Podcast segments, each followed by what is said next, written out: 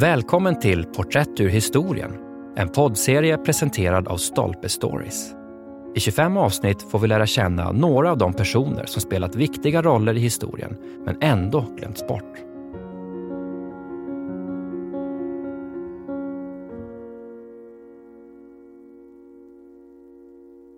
Thomas Gage, De oanade följdernas man, av Paul Ley.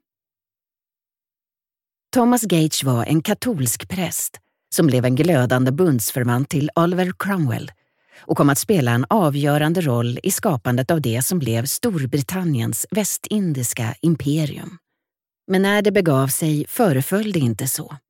Och han skulle aldrig få uppleva det, för hans osannolika möten med lordprotektorn ledde till hans egen död och till att ett dödligt slag riktades mot protektoratstyret. Gage föddes i en gammal familj av rekusanter i Surrey. Båda hans föräldrar hade dömts till döden och sedermera blivit benådade för att ha gett skydd åt katolska präster. Och en farbror hade avrättats för sin roll i Babington-sammansvärjningen 1586 som gick ut på att mörda Elizabeth den första. Robert Southwell, den jesuitiske martyren, var hans kusin. Gage började i likhet med de flesta begåvade söner i rekusantfamiljer vid det katolska seminariet i St. Omer i norra Frankrike när han var i tolvårsåldern. Hans far hade tänkt sig att han skulle gå in i jesuitorden men när han hade flyttat till det hispaniserade English College i Valladolid och valt ett liv som dominikanermunk ville fadern inte längre kännas vid honom. Engelsmän, även de som var av katolsk övertygelse, var förbjudna att resa i det habsburgska Spaniens kejserliga besittningar. Men 1627 lyckades den omättligt nyfikne Gage, som då befann sig i ett kloster i Jerez, där han gick under namnet Tomás de Santa Maria, på något sätt ta sig ombord på ett skepp i Cadiz med destinationen Mexiko. Där skulle han inleda nästa etapp på färden och resa till Manila, huvudstad i spanska Filippinerna. Men istället for han, tillsammans med några andra bröder, söderut till Chiapas och sen vidare till Guatemala, hans andra hemland. Och det som då var landets huvudstad Antigua, där han skulle tillbringa de följande tio åren. Gage hade språköra och vistades i långa perioder hos mayafolket på Comam. De anteckningar han förde på vägen skulle bli den första skildringen av livet i spanska Nya världen, skrivna av en engelsman. I januari 1637 hade Gage påbörjat en lång och strapatsfylld resa tillbaka till Europa. Efter att ha blivit rånad av holländska pirater på Miskitokusten i det som numera är Belize tog han sig över till Stilla havssidan av den centralamerikanska landtungan, varifrån han seglade till Panama, där han till slut nådde den stora spanska hamnen Portobello på den karibiska kusten. Här blev han skeppskaplan på fartyget som skulle föra honom tillbaka till Spanien. Han hade glömt det mesta av sitt modersmål och en månad senare ankom han till England där hans far hade gjort honom arvlös och där han var beroende av den underjordiska rekusantgemenskap som stod under beskydd av Henriette Marie, Karl den förstes drottning. Han lär ha läst mässan en sista gång i ett hemligt kapell i Holborn.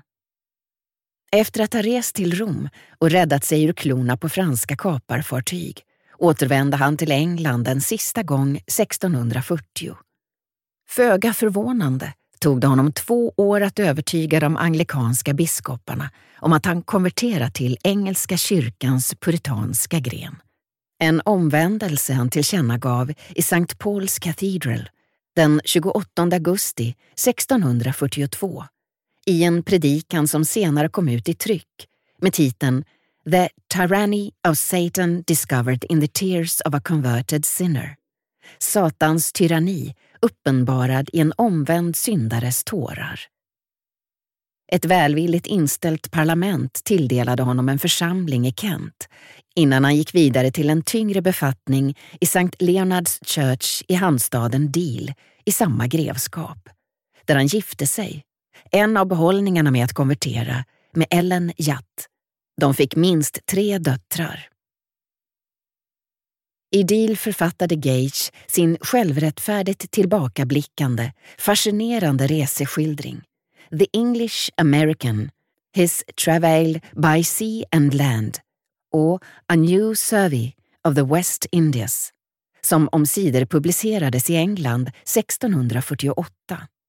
Det var inte bara den första skildringen av livet i spanska Nya världen, skriven av en engelsman, utan den första skriven av någon som inte var en habsburgsk undersåte. Boken var på sin tid en bästsäljare och är fortfarande angenäm läsning, trots sina livlösa avsnitt. Gage är besatt av mat, sannolikt på grund av de långa perioder av umbäranden han utstod. Ett av kapitlen ägnas helt åt choklad, som han var fascinerad av, och han observerade att de som nyttjar denna choklad ofta blir tjocka och trinda. På andra ställen beskriver han, för första gången på engelska, burritos och tamales och även andra lokala delikatesser som bönor och leguaner och han visar förståelse för människorna som tillredde dem. Som församlingspräst var det helt enkelt hans plikt att värna om sin infödda jord. Inbördeskrigets bittra fejder blottade en mindre tilltalande sida. Gage vittnade i rätten mot tre av sina tidigare kollegor. När fader Thomas Holland, som han hade känt vid St. Omer, avrättades 1642 var det till stor del till följd av Gage uppgifter. Fader Arthur Bell, som var kaplan hos en av hans kusiner, gick en förrädares död till mötes ett år senare. År 1651 var det dags för fader Peter Wright, kaplan till hans äldre bror, den royalistiske kavalleriofficeren Henry, som vinnlade sig om att utplåna honom ur minnet och hade dött i Wrights armar 1645. Han vittnade till och med mot sitt yngre syskon George, som också var präst och som ansåg honom vara en skamlös bror, vars handlingar hela vår familj blygs att skåda. Med konvertitens brinnande iver försvarade Gage protektoratets religiösa bosättning i sitt arbete A Full Survey of Zion and Babylon 1654. Ungefär vid samma tid presenterade han, därtill uppmuntrad av Thomas Challoner, en av dem som undertecknade Karl den förstes dödsdom, ett förslag om en engelsk expedition till hjärtat av spanska Västindien. Enligt vad den venetianska ambassadören, biskop Gilbert Burnett, visste att berätta höll han hemliga möten med Oliver Cromwell, som vid denna tidpunkt var Lord Protector. Gage hävdade att både furstehuset Habsburgs och i förlängningen påvedömets styrka var helt beroende av nya världens resurser. Den österrikiske pelaren får sin styrka från de amerikanska gruvorna. Om dessa försvann skulle Roms påvekrona snart falla och förfalla. Spanjorerna har inte mycket att sätta emot, fortsatte Gage, ty de är ett lättjefyllt, syndigt folk som likt djuren lever efter sina lustar och åtnjuter det bästa av allt. Han anspelade på den engelska schablonbilden av katolska kyrkan som antikrist, något som gick tillbaka till spanska armadans dagar.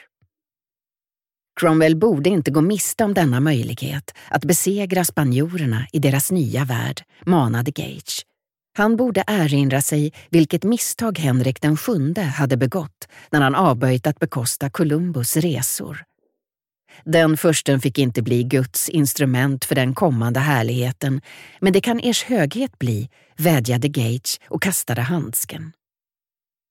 Sporrad av Gage sammanträdde Cromwells råd i april 1654 för att diskutera hur England skulle kunna använda sina ansenliga militära resurser. Med 160 segelfartyg väl skickade att röra sig till havs i ett fördelaktigt och ändamålsenligt syfte. Mötet var minnesvärt för drabbningarna mellan en självsäker, krigslysten Cromwell och hans mer försiktiga kollega John Lambert, som var regimens näst mäktigaste person. Två månader senare hade Cromwell gått segrande ur debatten och rådet gav i hemlighet amiralitet order om att förbereda 14 skepp för det som skulle komma att gå under namnet Western Design. I början av juli hade 36 skepp blivit godkända för användning i angreppet mot spanska Nya världen. Expeditionen skulle ha dubbla befälhavare. William Penn skulle vara generalamiral och general Richard Venables skulle leda landstigningsarmén. De avseglade från Spithead ombord på Swiftshore juldagen 1654 tillsammans med 37 andra skepp, ett antal stödfartyg och omkring 2500 besättningsmän. De skulle följa Francis Drakes exempel och anfalla ön Hispaniola som idag är uppdelad i staterna Haiti och Dominikanska republiken. Western Design gick en katastrof till mötes när dess styrkor i grov sjö landsteg på Hispaniola i april 1655. En regim som aldrig varit med om ett nederlag fick nästan över en natt erfara hur försynen blev till övermod. Styrkorna var illa förberedda för tropiska förhållanden och saknade lämpliga kläder, vapen, mat och vatten.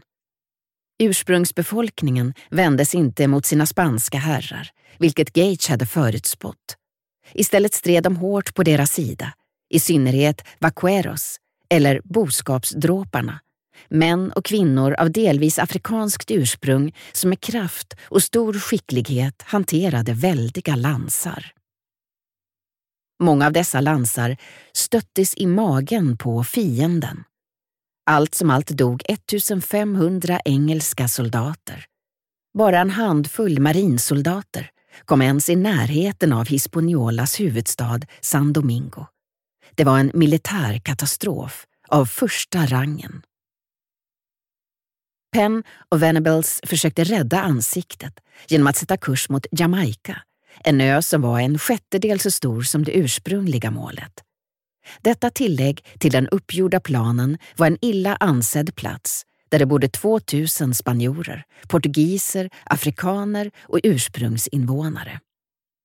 Men eftersom ön låg i vindens riktning och lätt kunde nås från Hispaniolas sydkust utgjorde den ett slags räddning.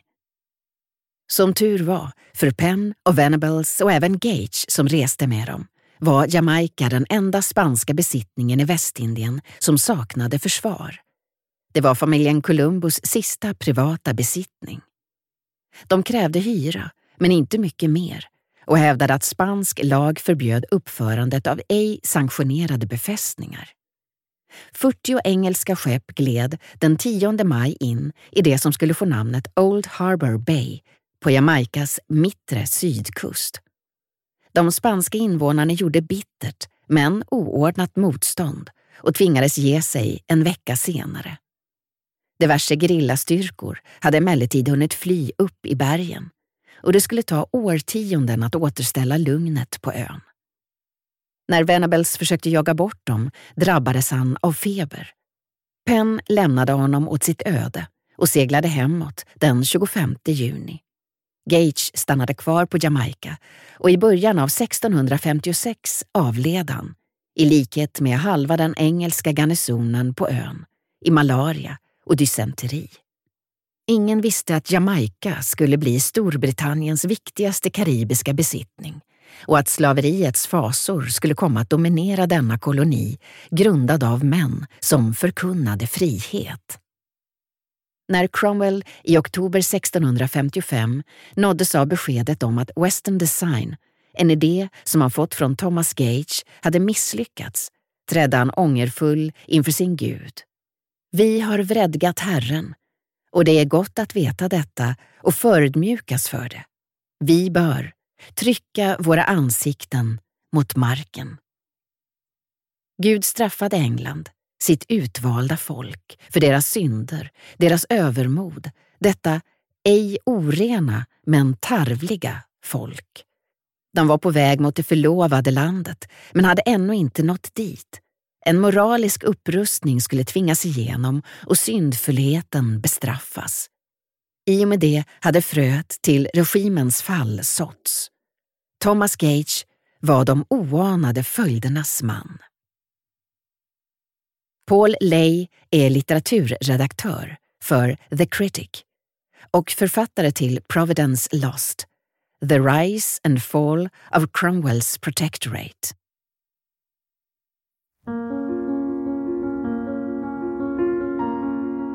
Du har lyssnat på poddserien Porträtt ur historien som presenteras av Stolpe Stories och inläst av Mimmi Kandler.